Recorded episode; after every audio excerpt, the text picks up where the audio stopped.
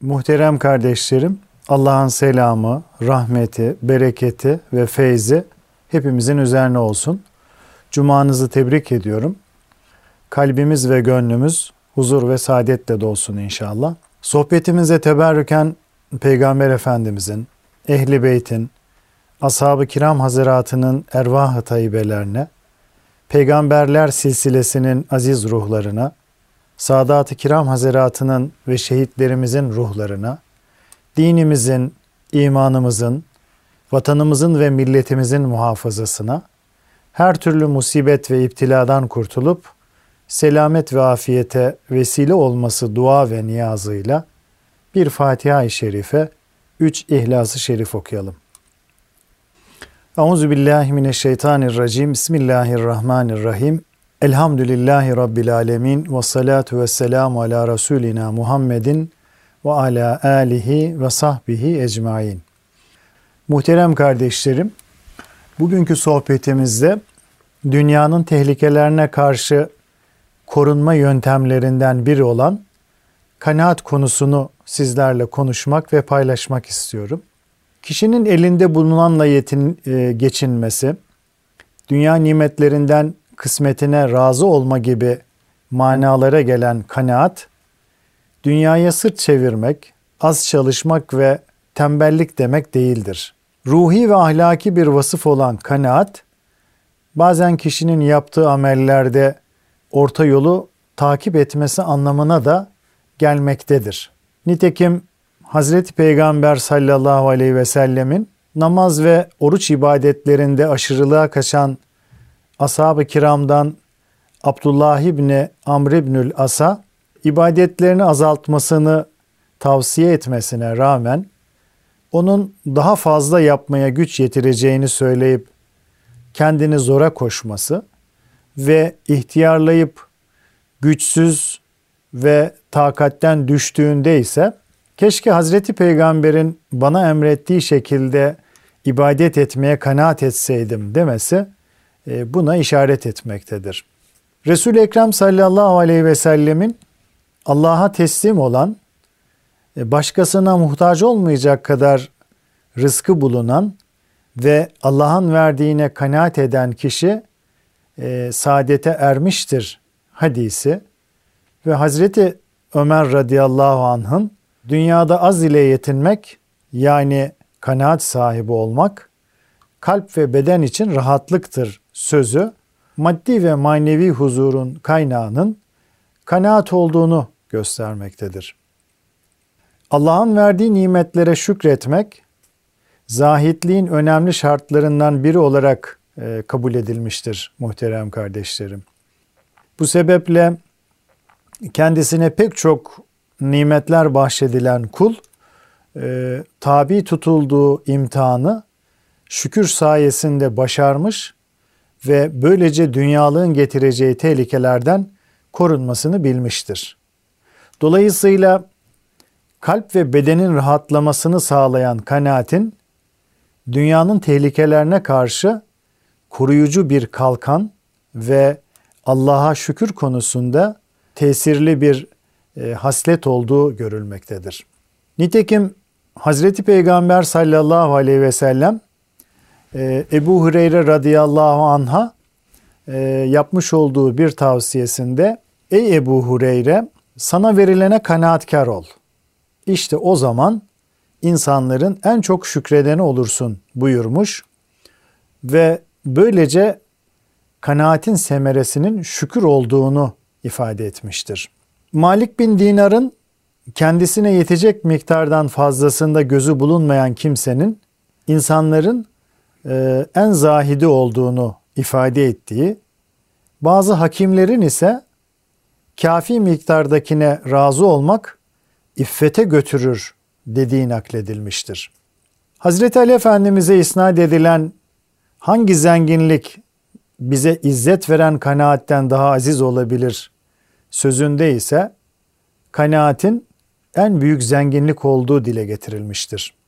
Yine bazı hakimler kanaat edenin fakir de olsa zengin, kanaat etmeyenin zengin de olsa fakir olacağını ifade etmişlerdir.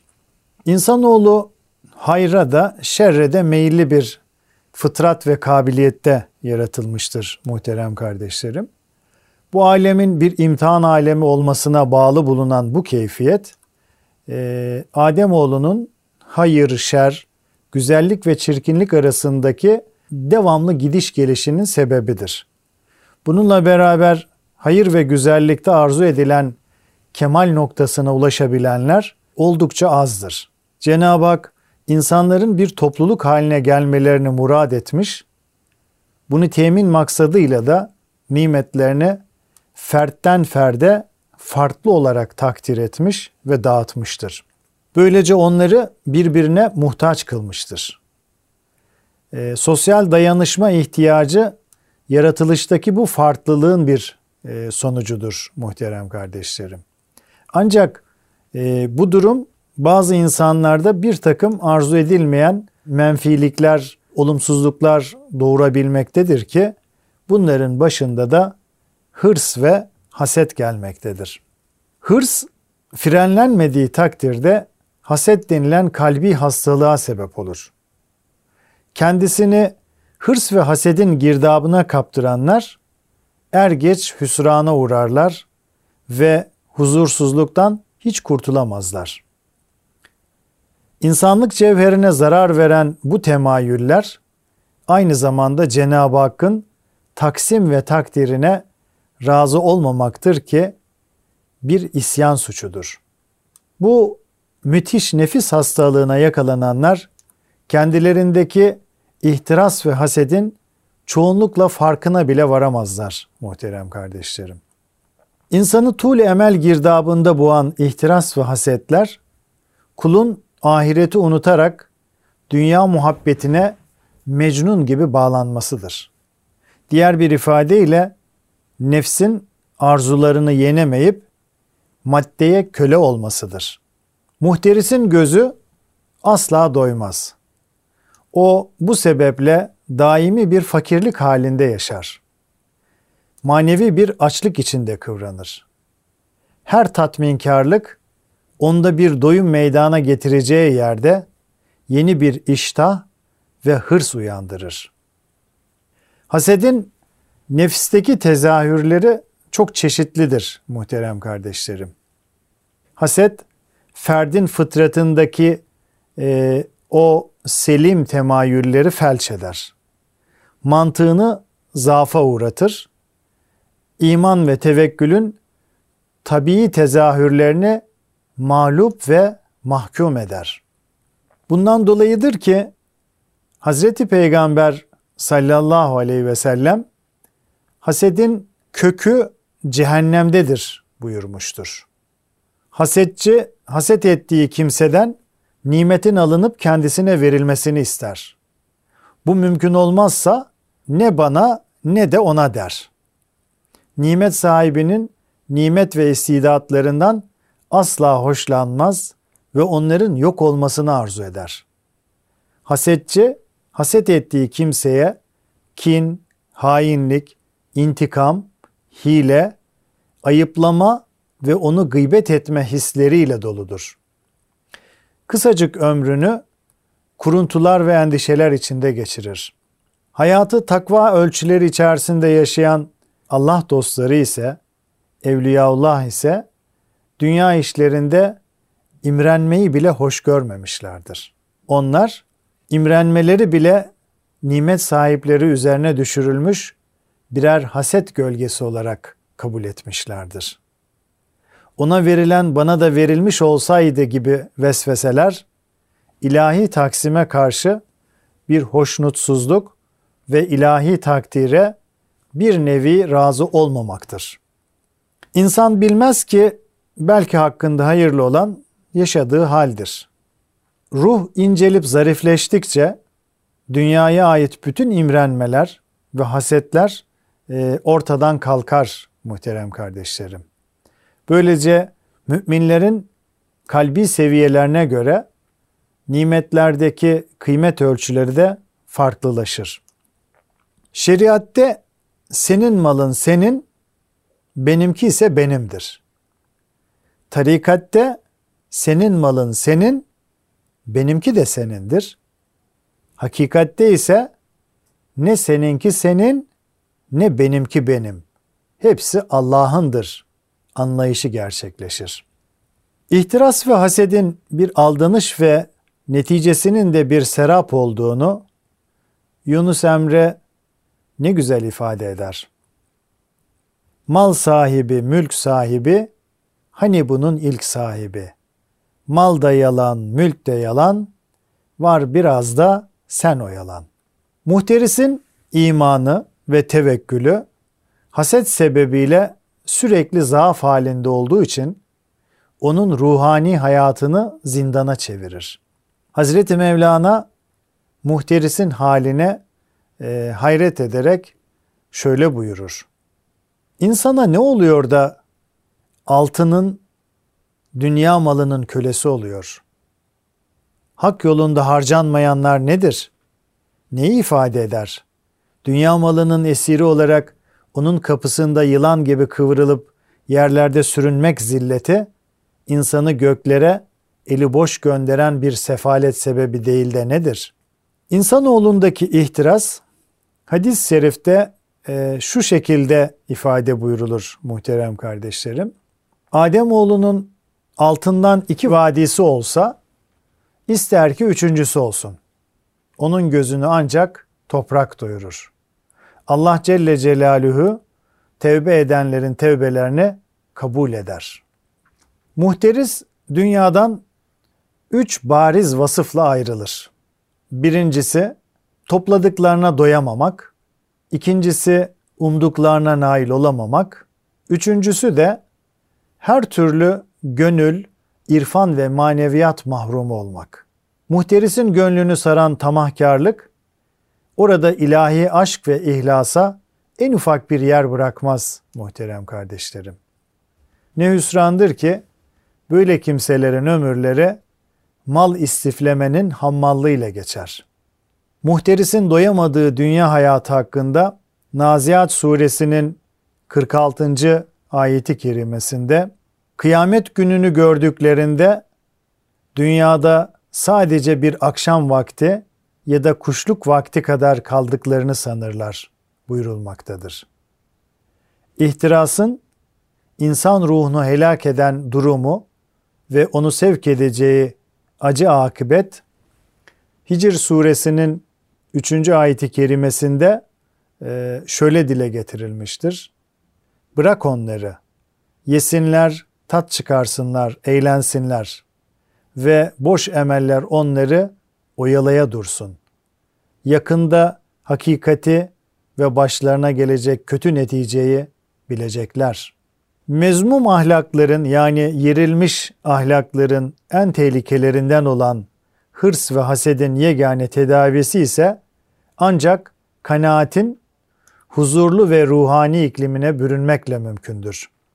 Çünkü kanaatin gönle verdiği ilahi hazineler ne biter ne de tükenir. Nitekim Allah Resulü sallallahu aleyhi ve sellem kanaat bitmez tükenmez bir hazinedir buyurmaktadır.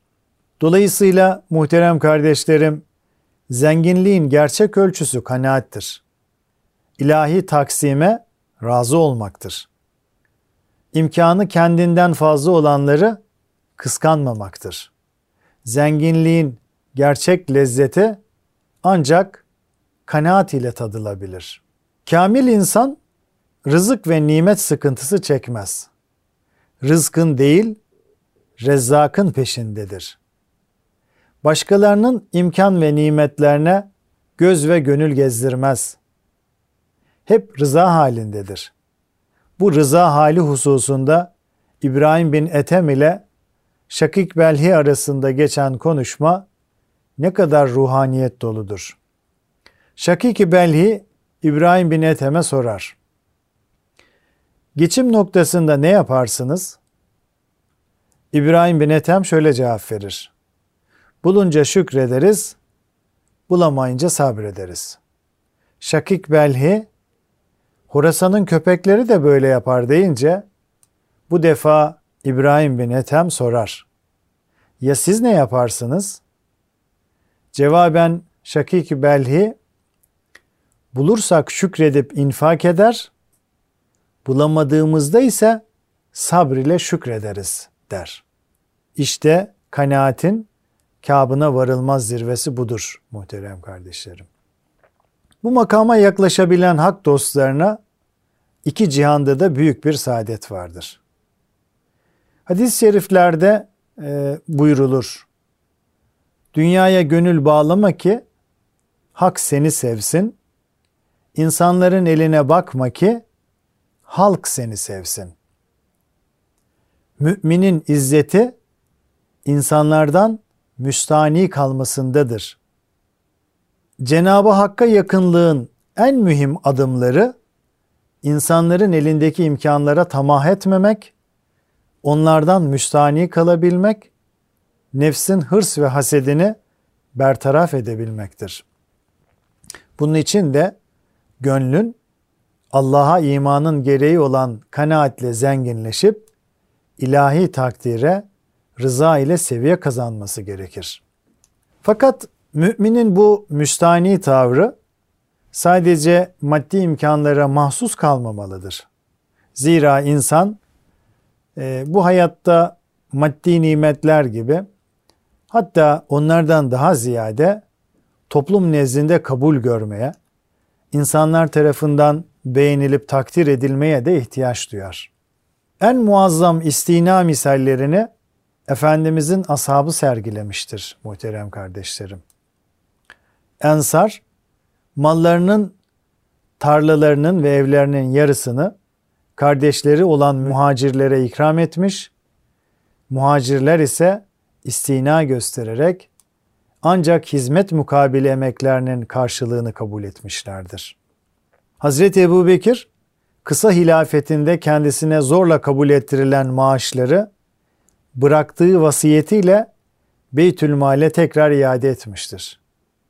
Hazreti Ömer büyük fetihlerin gerçekleştiği hilafeti devrinde kendi tahsisatını çok cüz'i bir miktarda tutuyordu. Tahsisatını artırması için kendisinde telkinlerde bulundular fakat o kabul etmedi. Sonunda Hazreti Ömer'e kızı Hafsa'yı ikna için Hazreti Ömer'e gönderdiler. O ise kızı Hafsa'ya şöyle sordu. Kızım Resulullah'ın yeme içme ve giymesindeki hali nasıldı diye sordu. Ee, o da kifayet miktarı ancak yetecek derecedeydi diye cevap verdi. Hazreti Ömer radıyallahu an kızından beklediği bu cevabı alınca tahsisatını niye artırmadığını ona şöyle izah etti. İki dost yani Hazreti Peygamberle Ebu Bekir ve ben aynı yoldan giden üç yolcuya benzeriz. Birincimiz Hazreti Peygamber makamına vardı. Diğeri Ebu Bekir aynı yoldan giderek birinciye kavuştu. Üçüncü olarak ben de arkadaşlarıma ulaşmak isterim. Eğer fazla yükle gidersem onlara yetişemem kızım. Kızım yoksa sen bu yolun üçüncüsü olmamı istemez misin? Allah Resulü'nün mübarek izinden giden sultanlar dahi bu kanaat ve istinayı e, en güzel şekilde göstermişlerdir muhterem kardeşlerim. Ömer bin Abdülaziz rahmetullahi aleyh hilafete geldiğinde hanımından bütün mücevheratını Beytülmal'e vermesini e, istemiştir. Hanımı bunu kabul ettiği gibi beyi zevci vefat ettikten sonra e, mücevherlerini kendisine iade etmek isteyen kardeşlerinin teklifini de reddetmiş. Bu fedakarlığı gönülden yaptığını ifade etmişti. Fatih devrinde Kadı Efendi'ye bir davacı ve davalı gelmişti. Davacı şöyle bir mesele arz ediyor Kadı Efendi'ye. Diyor ki, efendim ben deniz bu din kardeşimin falan tarlasını satın aldım. Ekin için çift sürerken orada altın dolu bir küpe rastladım. Küpü alıp tarlasını satın aldığım bu kardeşime götürdüm. Buyur bu senindir al dedim. O da ben bu tarlayı altı ve üstü ile sattım. Artık bana bu helal olmaz deyip küpü kabul etmedi. Halbuki toprağın altından bu küpün çıkacağını bilse satmazdı. Kadı efendi öbür kişiye söz hakkı verdi. O da durum aynen kardeşimin arz ettiği gibi oldu e, dedi. Fakat ben ona tarlayı satınca altı ve üstü hepsi dahil düşüncesindeydim. Nasıl üstündeki mahsulde bir hakkım yoksa altındaki de öyledir e, dedi. Kadı da bu iki samimi Müslüman arasında e, hüküm vermekte güçlük çekmedi. Şöyle bir formül buldu. E, birinin salih bir oğlu, diğerinin de saliha bir kızı olduğunu öğrenince ikisine aracı oldu. Tarafeynin rızası ile, iki tarafın rızası ile bu iki gencin nikahlarını kıydı. O bir küp altını da gençlerin düğün ve çeyiz masraflarına, e, harcamalarına hükmetti. Evet muhterem kardeşlerim, onlar dünya malının ve imkanlarının ancak ahireti kazanmak için bir malzeme olduğunu idrak etmiş kimselerdi. Bu sebeple ellerinden gelen her imkan ile ümmeti Muhammed'in imdadına koşmak onların en büyük gayeleriydi. Sonuç olarak muhterem kardeşlerim e, şunu söyleyebiliriz. Kanaatin zıttı mala karşı ihtiraslı olmaktır. Nefs ve kalbi istila eden ihtiras sahibini meşgul edip ibadetten alıkoyar. Ayrıca ihtiras şüpheli şeylerden sakınmayı terk ettirerek kişinin haramlara dalmasına sebep olur. Bu haller ise e, bütün kötülükleri kendinde topladığı gibi faziletlerin de yok olmasına sebep olur. Bununla birlikte ihtiras sahibi olan kimse nasibinden fazla bir şeye de asla ulaşamaz. İhtiras sahibi ulaşmak istediği şeyler konusunda belli bir sınır gözetmez. Çünkü o umduğuna nail olunca bu hal onun hırs ve emelini daha da artırır. Umduğuna kavuşamayınca da bu yorgunluğun boşa çıkmasından dolayı kendisini suçlar ve sabretmeyi acizlik olarak görür. Kaybettiği şeyin peşinden koşmayı ise bir marifet sanarak onun peşine daha çok düşer.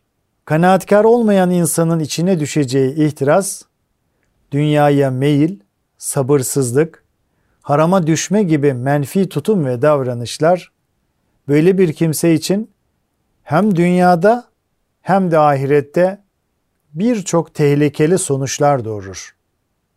Buna göre dünyanın bu tür tehlikeli yönlerinden kurtulmada kanaatin çok önemli bir rol oynadığı açıkça görülmektedir muhterem kardeşlerim. Ey kalpleri evirip çeviren Allah'ım, kalplerimizi dinin üzere sabit kıl. Bizleri nefsani arzuların girdabına kapılmaktan muhafaza eyle. Gönlümüzdeki hissiyatı rızan ile telif eyle. Bizleri hırs ve hasedin, salih amelleri yakıp bitiren alevlerinden muhafaza edip bitmez tükenmez bir hazine olan kanaat ile müzeyyen kıl. Amin. Kalın sağlıcakla muhterem kardeşlerim.